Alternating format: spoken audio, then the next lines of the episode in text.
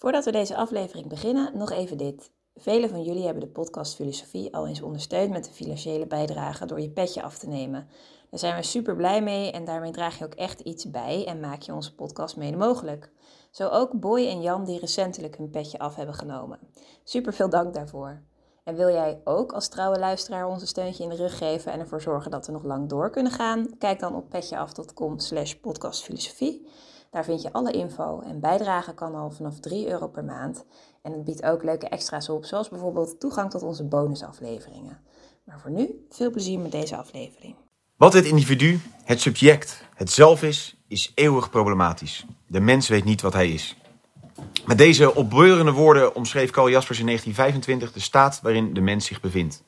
Wat zegt dit over het mensbeeld van Jaspers? Hoe verhield hij zich tot zijn tijdgenoten als Heidegger, Arendt, Camus en Sartre? Wat kunnen we vandaag de dag nog met zijn ideeën over de metafysica? Over deze vragen en nog veel meer gaan we het de komende drie kwartier hebben. De gast Jozef Waanders, de denker die centraal staat, Karel Jaspers.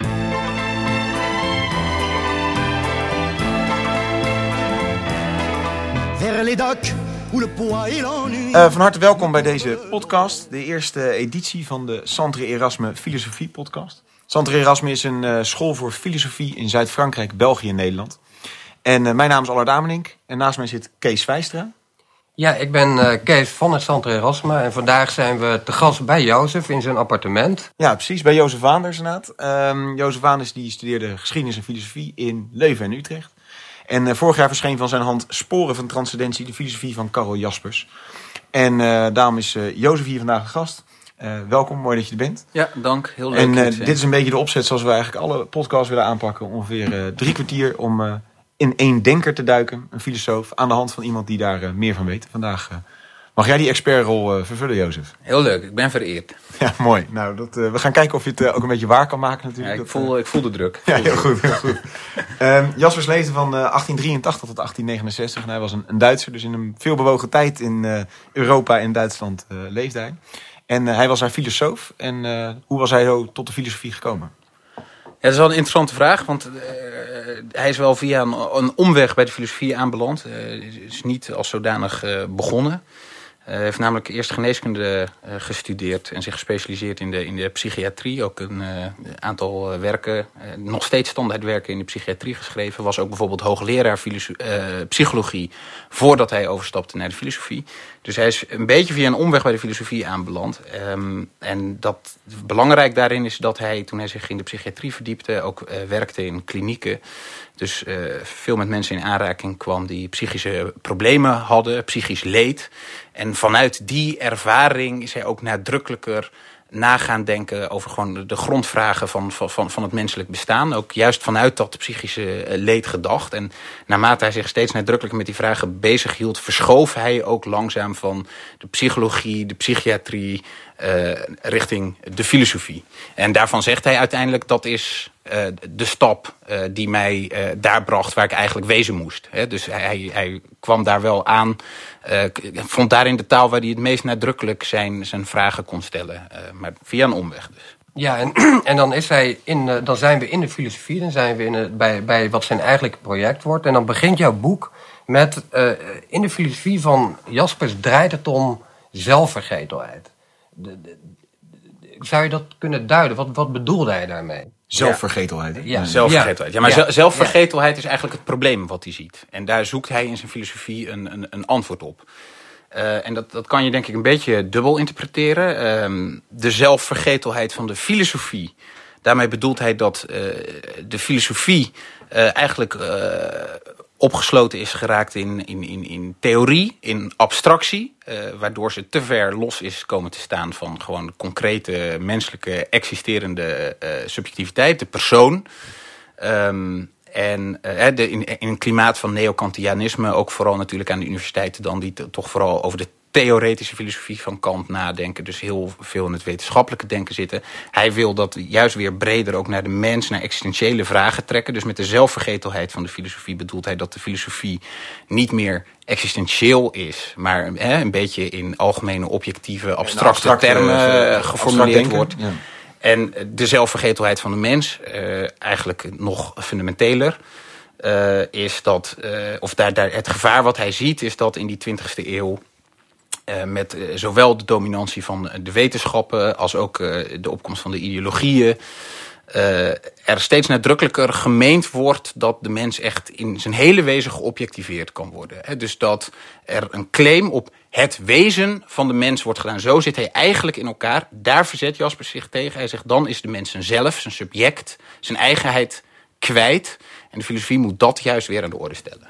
En, en op wat voor manier gaat hij met deze vraag aan de slag? Wat, wat, wat is zijn antwoord zeg maar, op, op, op, eh, op dat probleem van die zelfvergetelheid? Zelfvergetelheid. Zelfvergetelheid. Ja. Ja, Ja. nou ja, zijn, zijn, zijn, eh, hij probeert zeg maar, in zijn filosofie weer, weer aanknopingspunten te zoeken om, om veel concreter over dat zelf na te kunnen denken. Over wat het betekent om een mens te zijn, om een zelf te zijn, om een subject te zijn, om een individu te zijn.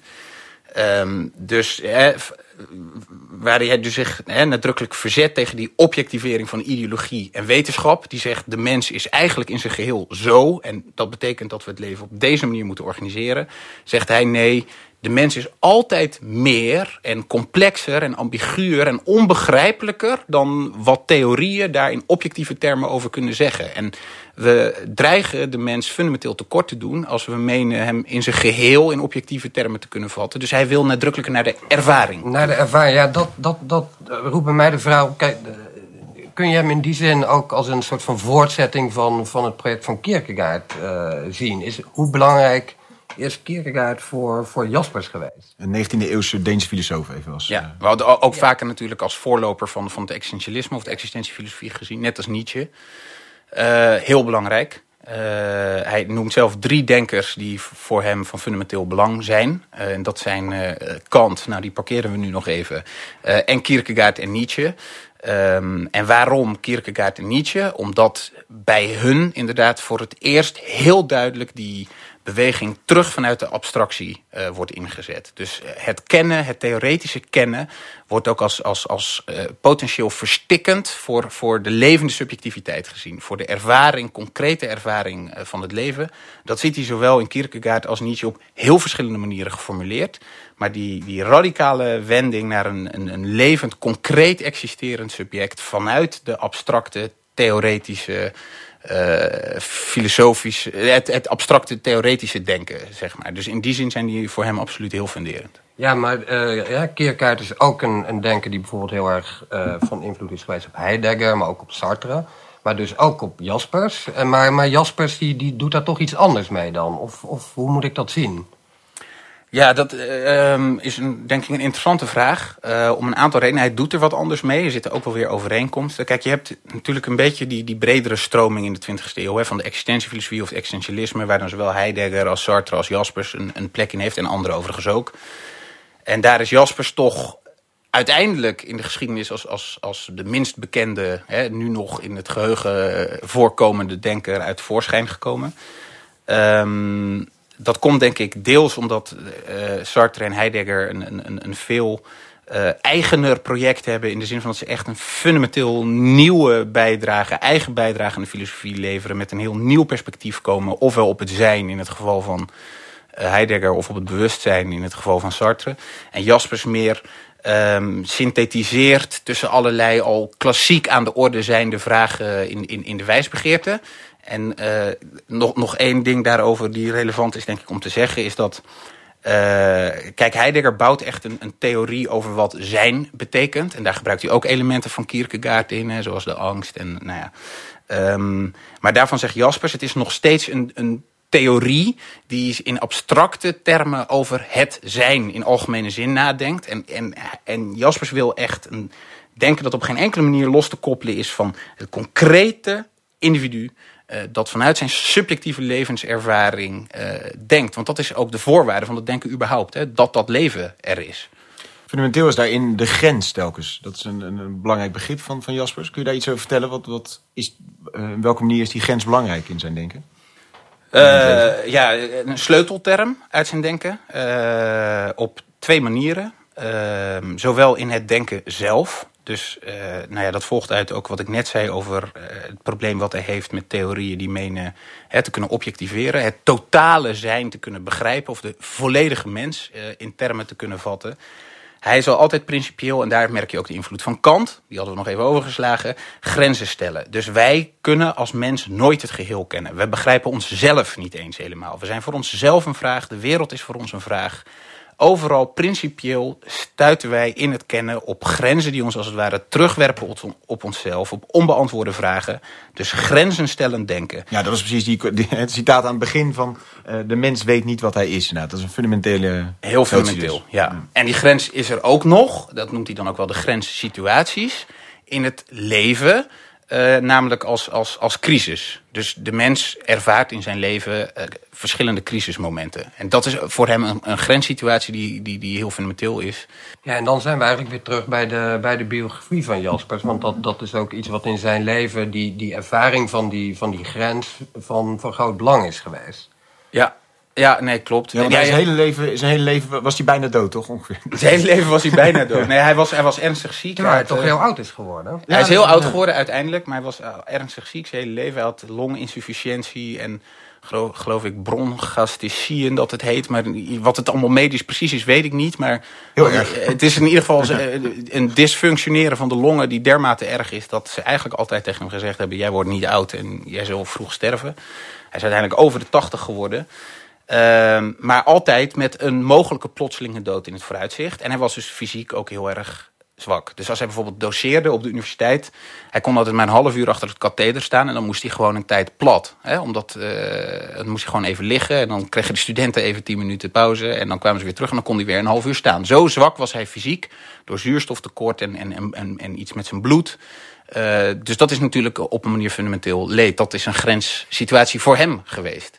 En ook in die psychiatrische kliniek waar hij gewerkt heeft als psychiater... is hij natuurlijk enorm in aanraking gekomen met mensen die in allerlei grenssituaties verkeren. Dus grenssituaties van, van, van, van menselijk leven. Ja, en in, die grenssituatie, daarin ziet hij dus eh, ook een fundamentele kans. Want daar schuilt ook de metafysica eh, uiteindelijk.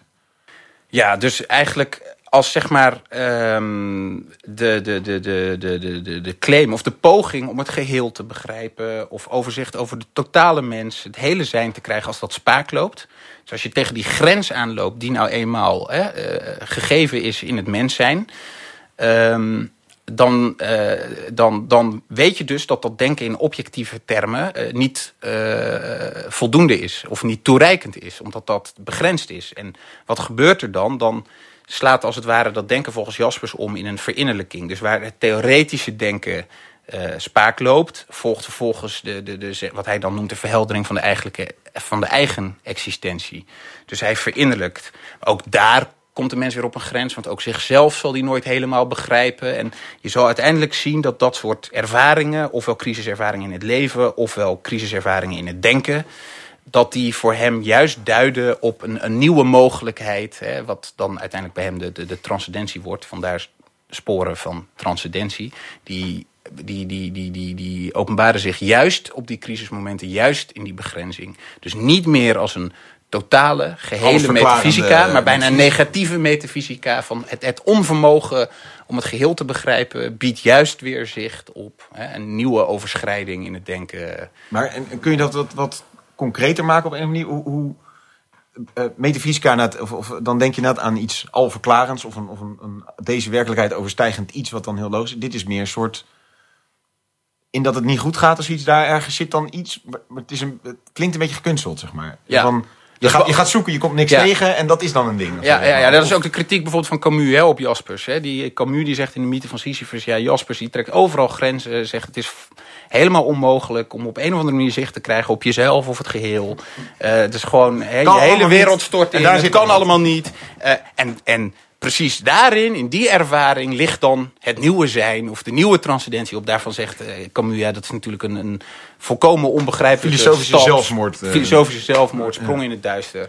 Eh, en wat het is ook wel begrijpelijke kritiek, denk ik. Jaspers zegt zelf, dus er komt ook echt een nieuwe opvatting wat filosofie is. Hè. Filosofie is niet meer, of nou ja, dat is een opvatting die al bestond, maar die hij een beetje in het gedrang ziet komen in zijn tijd. Filosofie biedt bij Jaspers geen antwoorden meer of definitieve resultaten. Hij noemt filosoferen ook een zinvol denken zonder resultaten. Dus zeg maar. Wat, eh, sorry, een zinvol denken zonder resultaten. Ja, zinvol denken zonder resultaten. Wat is er dan Dus zinvol het proces aan? zelf is eigenlijk... Het proces zelf, dus de existentie, hè, de mens die denkt, hè, en, en in dat denken overschrijdt hij zichzelf in de wereld. In die zin transcendeert hij eh, de, de wereld, zijn bewustzijn in de vragen die hij heeft. Ehm, daar komen geen concrete, tastbare, feitelijke antwoorden meer uit. Maar het feit dat de mens op die manier hè, eh, betrokken is op, op zijn bestaan. eh, verandert de existentie fundamenteel. Dus eh, de, de, de, Het bezig zijn hiermee maakt je anders en ja, die, die vragen die, die, die zorgen ervoor dat jij je op een andere manier eh, op het bestaan oriënteert eh, en in het leven staat. Eh, en in, in die zin zinvol, eh, omdat, jij, eh, omdat het ook voorkomt dat jij als mens vastloopt in nou ja, wat dan filosofisch de immanentie genoemd wordt, of gewoon De causaliteit der dingen. De, de onvrijheid, de brute materialiteit van de dingen, die altijd weer overschreden kan worden met die gerichtheid, die oriëntering, eh, oriëntatie op een, een absolute, een ideaal, wat dan ook waarmee je weer loskomt uit, uit die gegevenheid. Eh, terwijl je tegelijkertijd dat ideaal of dat absoluut nooit helemaal kan realiseren, eh, nooit helemaal kan begrijpen. Dus je blijft als het ware een beetje gevangen tussen wereld en transcendentie, tussen werkelijkheid en ideaal. Dus, dus als ik het goed begrijp, is dan filosofie bij, bij, heeft dan bijna een soort van thera- therapeutische eh, status bij. En bij- een beetje bij- bij, jij, bij je eigen haren uit het moeras trekken ook een beetje zit het dan ook. Ja, dus dat. dat Ja, dat is. ehm Moeilijk moeilijk. als want- zelf, zelfhulpboek. en, en, ja, dat, daar klinkt misschien. Om aan de, ma- aan de zijn- matigheid van alle dag te ontsnappen. Ja, ik denk toch dat je Jasper daarmee tekort doet. Hij zal ook zeggen, je, je kan niet anders als mens. Hè? Ik bedoel, die, die vragen die zijn je nou eenmaal gegeven, dus je ontkomt er niet aan. Eh, en het, is, het is geen zelfhulp, omdat het je namelijk ook niks concreets oplevert. Hè? Het, het, ge- het geeft geen antwoord op jouw probleem. Of het, het gaat om de oriëntatie. Hè? Het gaat om eh, de, de, de, de, het elke keer voorkomen dat jij in een bepaald zo zijn van jezelf vastloopt. En dat je elke keer je, zeg maar, daar weer eh, eigenlijk uit moet werpen. Dus dat, maar dat is eigenlijk een crisis hè, bij Jaspers. Dus het is wat dat betreft niet een, een, een, een, een hosanna. Nee, je bent gewoon vastgelopen. Eh, en van daaruit is een, als het ware een nieuwe overschrijding, een nieuwe oriëntatie op hè, het absolute of een ideaal nodig om weer, om, om weer verder te kunnen. Maar komen we dan al vragend, al zoekend eigenlijk bij, die, bij dat vastlopen uit? Of zijn dat ervaringen in ons leven? Een bepaald moment waarop we vastlopen en dan eh, nou ja, een bepaalde grenservaring heeft, die dan vervolgens ons denken als het ware eh, conditioneert? Hoe, hoe moet ik dat begrijpen?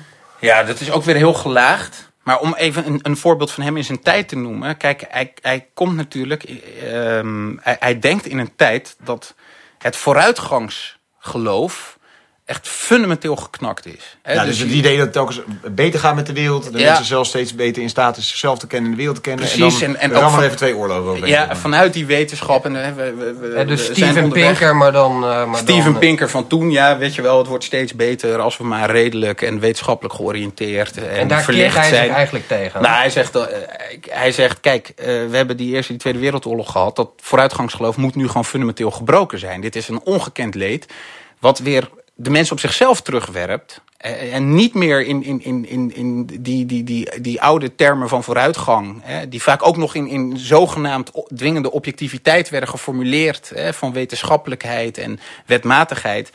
Nee, je wordt weer op jezelf teruggeworpen.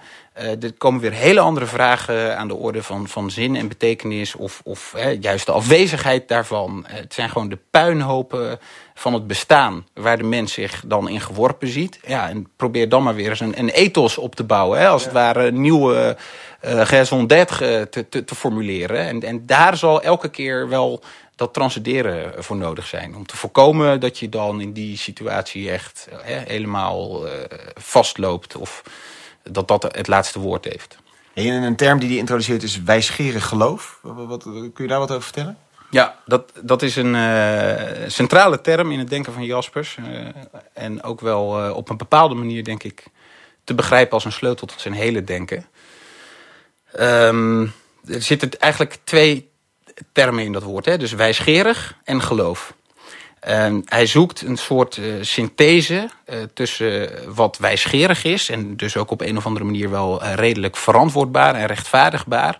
Ehm, en wat geloof is, namelijk een bepaalde overtuiging of gerichtheid op een ideaal, wat niet per se rationeel of redelijk is, maar vanuit een andere grond, in een andere grond zijn, zijn oorsprong vindt. En dat situeert hij tussen enerzijds wetenschap en anderzijds openbaringsgeloof. Uh, wat die allebei doen is uiteindelijk hebben ze een claim op uh, het objectieve. Hè, de objectieve mens, de objectieve werkelijkheid. Of het nou God is of hoe de dingen uh, in, de in wezen zijn. logica der dingen of de goddelijke ordening, scheppingsordening. Precies. Maar, ja. En hij zegt, en, en overal waar zo'n claim op het eh, geheel in objectieve termen wordt gedaan. Daar is, is gewoon de mens als uh, subject, als uh, existerend individu in gevaar. En hij schetst eigenlijk aan het begin van het boek een heel mooie, heel mooie tegenstelling tussen Galileo en Giordano Bruno. ik weet niet precies wanneer ze leefden, ergens 15e, 16e eeuw, gok ja. ik zo.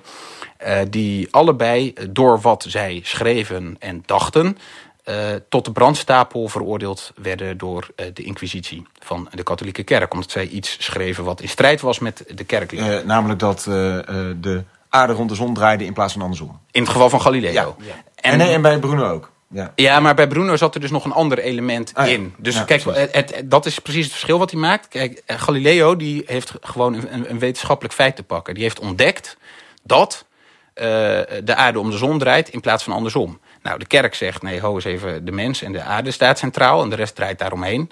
Dus uh, ofwel jij herroept je stelling of we flikkeren je op de brandstapel. Nou, dan herroept Hoeft Galileo... er niet zo lang over na te denken?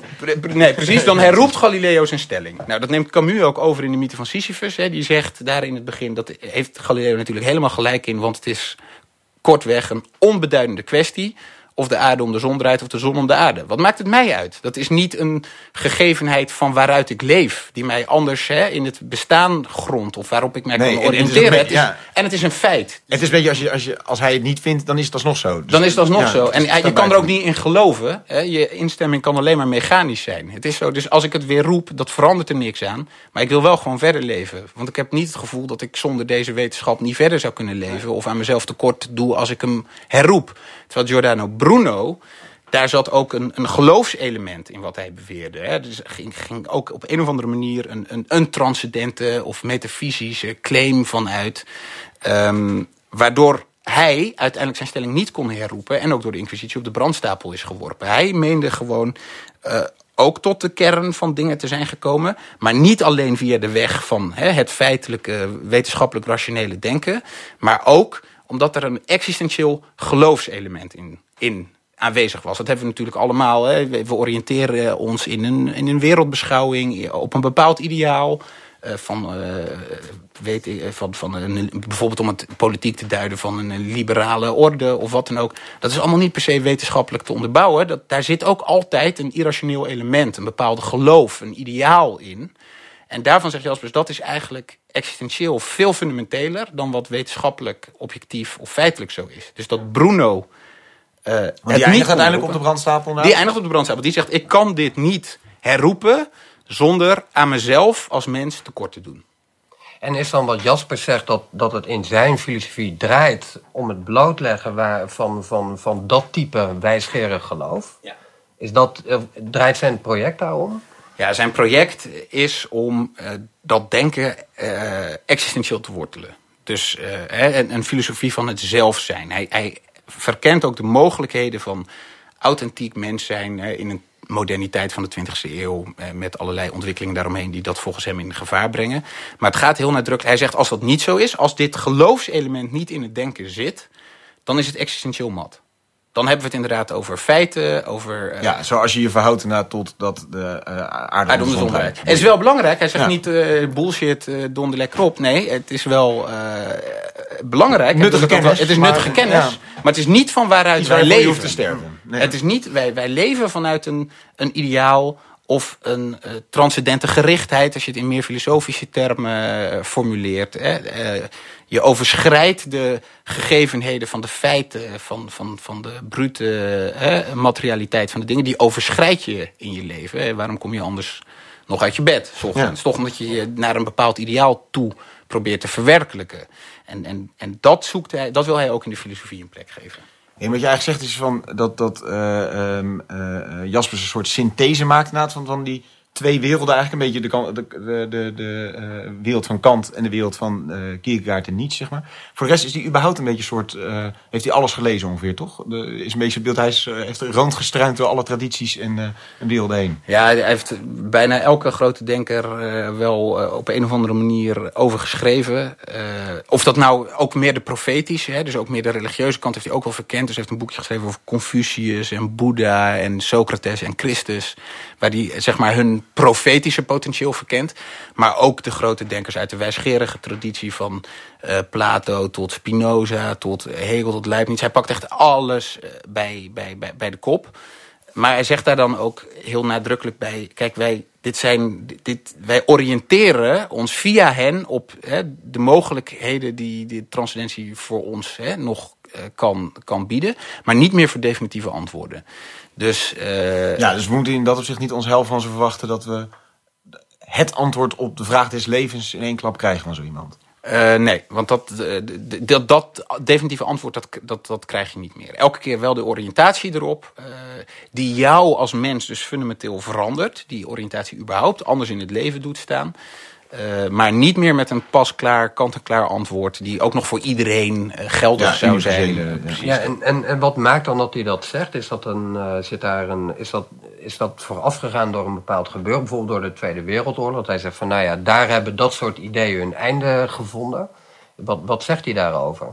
Waar, waarom kunnen wij niet meer uit de voeten met Jezus, eh, volgens Jaspers? Nou, we kunnen wel uit de voeten met, met Jezus. Hè, als, als iemand. En- en precies. ja. Nee, maar wat, wat hij eigenlijk. Wat hij eh, vooral zegt is. Kijk, overal waar een, een claim gelegd wordt op eh, hoe de mens eigenlijk is. En hoe de wereld eigenlijk in zijn geheel in elkaar zit. Overal waar dat gebeurt, daarvan zegt Jaspers, dan is de concrete mens als mogelijke existentie, als vrijheid in gevaar. Dan raakt hij namelijk gevangen in een objectiviteit die precies zegt, hè, zo zit het. is dit het. En dit Ja, is jouw punt. plek daarin. Ja. En dat geldt zowel voor een openbaringsgeloof, hè, eh, ook in messianistische zin met een, met een Christus, eh, die die claim ook heeft. Namelijk, hè, zo zit het en dit is jouw plek in het geheel. Eh, als met een, een, een, een wetenschap die het, eigenlijk de particulariteit die het onderzoekt tot een absolutum maakt. en eh, ook claimt het geheel te begrijpen. Als ook een ideologie die de mens zegt, hè, een marxisme of eh, ook een fascisme, van nou de mens is eigenlijk zo. En daaruit eh, volgt dat we op deze manier het leven gaan organiseren. Hij zegt altijd is in zo'n geval de, de, de mens als, als mogelijke existentie, als vrijheid in gevaar. Dus het is ook echt een vrijheidsfilosofie, Jaspers. Ja, absoluut. Ja, ja, heel, heel, heel centraal in zijn denken staat, eh, staat de vrijheid en de mogelijkheid tot zelfverwerkelijking van de mens. Daar zit dat zelfzijn weer in. Die vrijheid is dan wel weer anders gedacht. Want hè, Sartre is bijvoorbeeld ook een vrijheid. Hè, die wil de mens ook als vrijheid denken. Maar daar distancieert Jasper zich weer van. Omdat dat is volgens hem een eh, grondeloze vrijheid... die ook werkelijk nergens door eh, begrensd eh, wordt. Die volkomen absoluut is in alle gevallen. Terwijl Jaspers ook nadrukkelijk Ook door Kant dus ook eigenlijk geen absoluutheid daarin wil ook daarin niet absoluutheid wil. Dus ook de eigen vrijheid wordt weer begrensd door de vrijheid van anderen. Hè? Dus eh, ik kan mijn eigen vrijheid alleen verwerkelijken in samenspraak Ja, met de vrijheid van anderen. Maar ook door dat, dan heb je de Kantiaanse elementen in zijn denken, door de plicht. En ook de vrijheid is bij Jaspers, dat is een heel fundamenteel verschil met Sartre, is uiteindelijk niet grondeloos. Dus je kan de vrijheid niet verwerkelijken anders dan eh, vanuit de transcendentie. En als je überhaupt even kijkt naar, eh, naar andere tijdgenoten, je noemde net eh, Sartre inderdaad. Hoe, hoe, hoe verhoudt hij zich tot zijn, de, grotere naam? Je noemde net al een beetje dat hij eh, een relatief wat, eh, wat kleinere eh, naam is qua hoe hij nu nog voortleeft. Je een beetje de, de Heidegger, Camus, eh, Hannah Arendt, wat, hoe bevond hij zich in die wereld, zeg maar? Ja, ze hebben allemaal wel op de een of andere manier met elkaar geïnteracteerd. Nou ja, Jaspers is uiteindelijk zeker niet de bekendste van deze mensen. Toch in de schaduw komen te staan van in ieder geval Heidegger. Maar ook op een andere manier wel van een Sartre. Ehm, en dat komt, zoals ik net al zei, kijk, Jaspers is, is, is hè, meer een, een, een synthetiserend denken die, die, die heel veel elementen uit de filosofie zeg maar, opnieuw oppoetst, anders formuleert om ze ook in de moderniteit in de 20e eeuw nog aan de orde te kunnen stellen.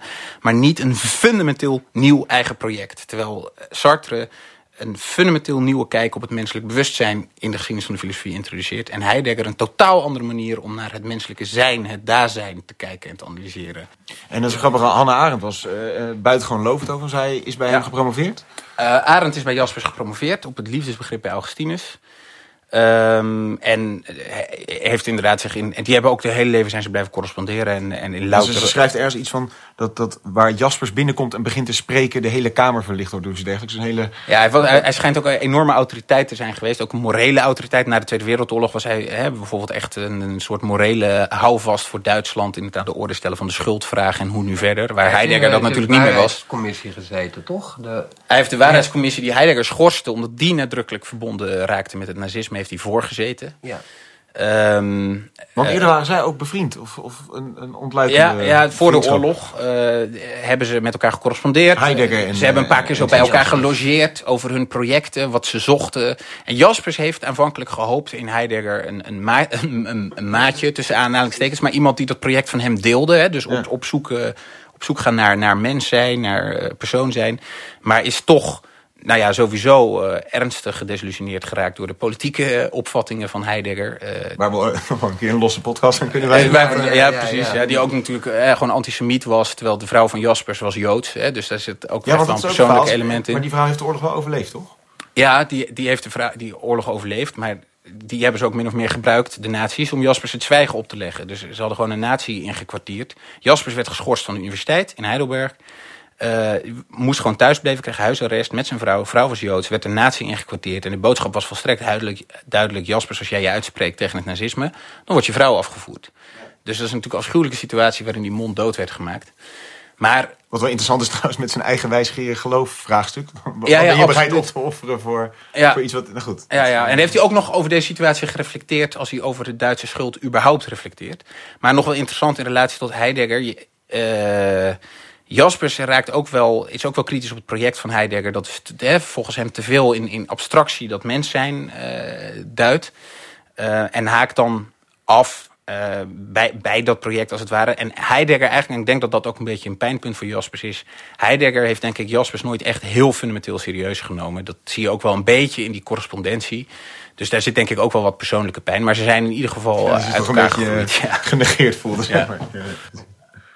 Maar ja, dat, en, ja en, en, en hij, kijk, ik vind niet, niet, niet helemaal terecht dat hij echt in de schaduw is komen staan. Want, want, want Jaspers is wel een, denk ik, toch ook wel genuanceerder denker dan bijvoorbeeld Heidegger. Heidegger is eigenaar, heeft echt een, een eigen project, een eigen visie. Maar is ook heel radicaal. Hè? Dus die band bijvoorbeeld de, de rationaliteit of de wetenschappelijkheid uh, toekoer uit zijn project als ook gewoon de techniek als een gevaar voor het mens zijn. Jasper zoekt nog wel naar een plek daarvoor. Die wil het nog wel een plek geven, maar die wil het ook afbakenen en begrenzen en inbedden. Dus die zoekt meer naar een, een plek voor, hè, en zowel iets als, als de religiositeit, als de wetenschappelijkheid, als de techniek, als de, eh, maar dan toch ingebed, en zeer gematigd en ook minder spannend dan Heidegger. Hè, maar qua nuance toch ook absoluut de moeite waard om gelezen te blijven worden. Ja. Maar, maar, ook Jaspers heeft zich in zijn tijd kritisch uitgelaten over, over technologie. En dat dat een bepaalde massamens zou voortbrengen. En in die zin zat hij toch ook wel in het kamp van Heidegger. Dus van de techniekcritici bijvoorbeeld. Kun je daar iets over zeggen? Over hoe, hoe die techniekkritiek er bij Jaspers uitzag? Nou, jij ziet bij Jaspers uh, toch ook heel duidelijk dat die techniek... Uh, eh, en he, ingekaderd in een breder wetenschappelijk denken dat hij vreest dat de mens gewoon opgesloten raakt in een immanentie, in dus een middeldoel. sluit dat aan bij zijn bredere filosofie die die concreetheid van de mens probeert te blijven zien. Ja, precies. En wat, wat doet de techniek? Bijvoorbeeld, het gevaar van de techniek is, is hè, dat ook de mens op een bepaalde manier als apparaat gaat worden uh, beschouwd. Hè? Dat, dat die opgesloten raakt in een middeldoel rationaliteit. Hè? Dat die daarmee dus uh, opgesloten in een zichzelf sluitend ja. systeem, een instrument in de wereld waar die transcendente gerichtheid, die open vraag ook uit het zicht verdwijnt omdat alles zeg maar uh, dicht georganiseerd wordt.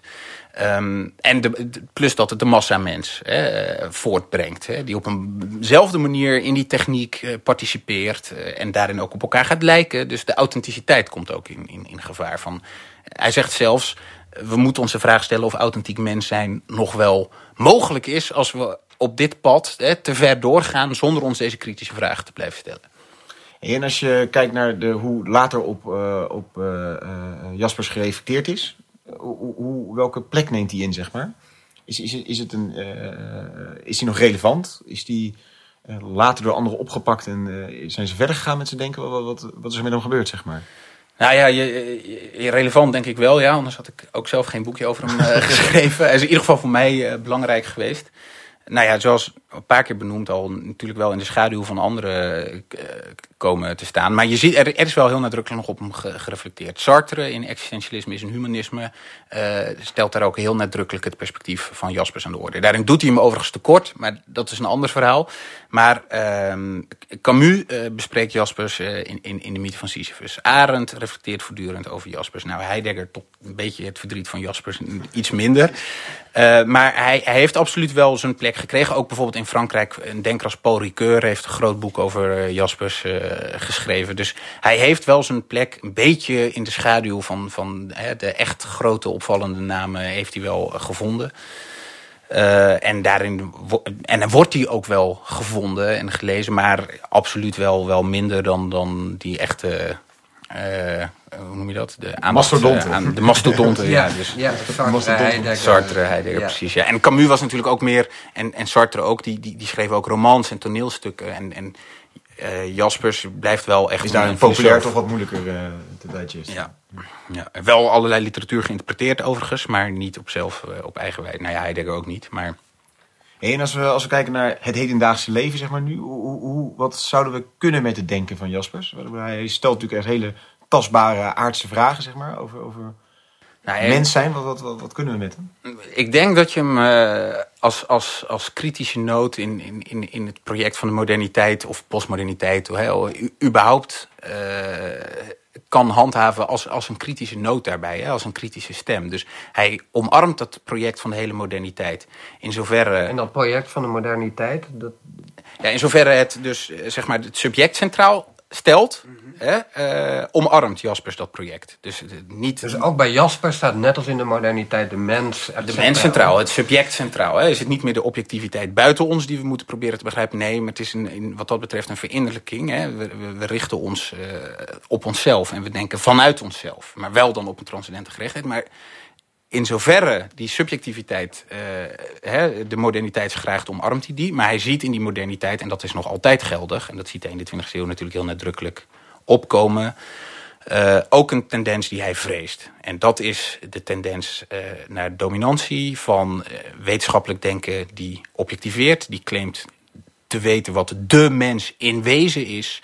Een tendens van politieke ideologieën die ook met een claim op hoe de mens eigenlijk in elkaar zit, het leven dus wil organiseren. Dat objectiveren denken, dat, is, dat het voor hem een uitwas van, van de moderniteit eigenlijk. Ja, het moet in balans gehouden worden door uh, een bewustzijn van de existentie, van de eigenheid. Van ja, niet alleen de moderniteit leven. denk ik ook, omdat ook natuurlijk de... de had net over de, de religies, zeg maar, die natuurlijk ook zo'nzelfde claim hebben. Die hebben ook ja, zo'nzelfde alleen, ja, ja. Dus nee, er zeker niet alleen nieuwe, moderniteit. Er is alleen misschien een soort nieuwe vijand ten opzichte van de mens bijgekomen. In die moderniteit is een soort onverwachte hoe komt er een nieuwe Ja, dus uh, eigenlijk precies wat ze eruit hebben willen werken. Hè, ja, namelijk die, die, die objectieve claim op het totaal Van, de, van de religie komt via de achterdeur, via de wetenschap en de ideologie weer binnen.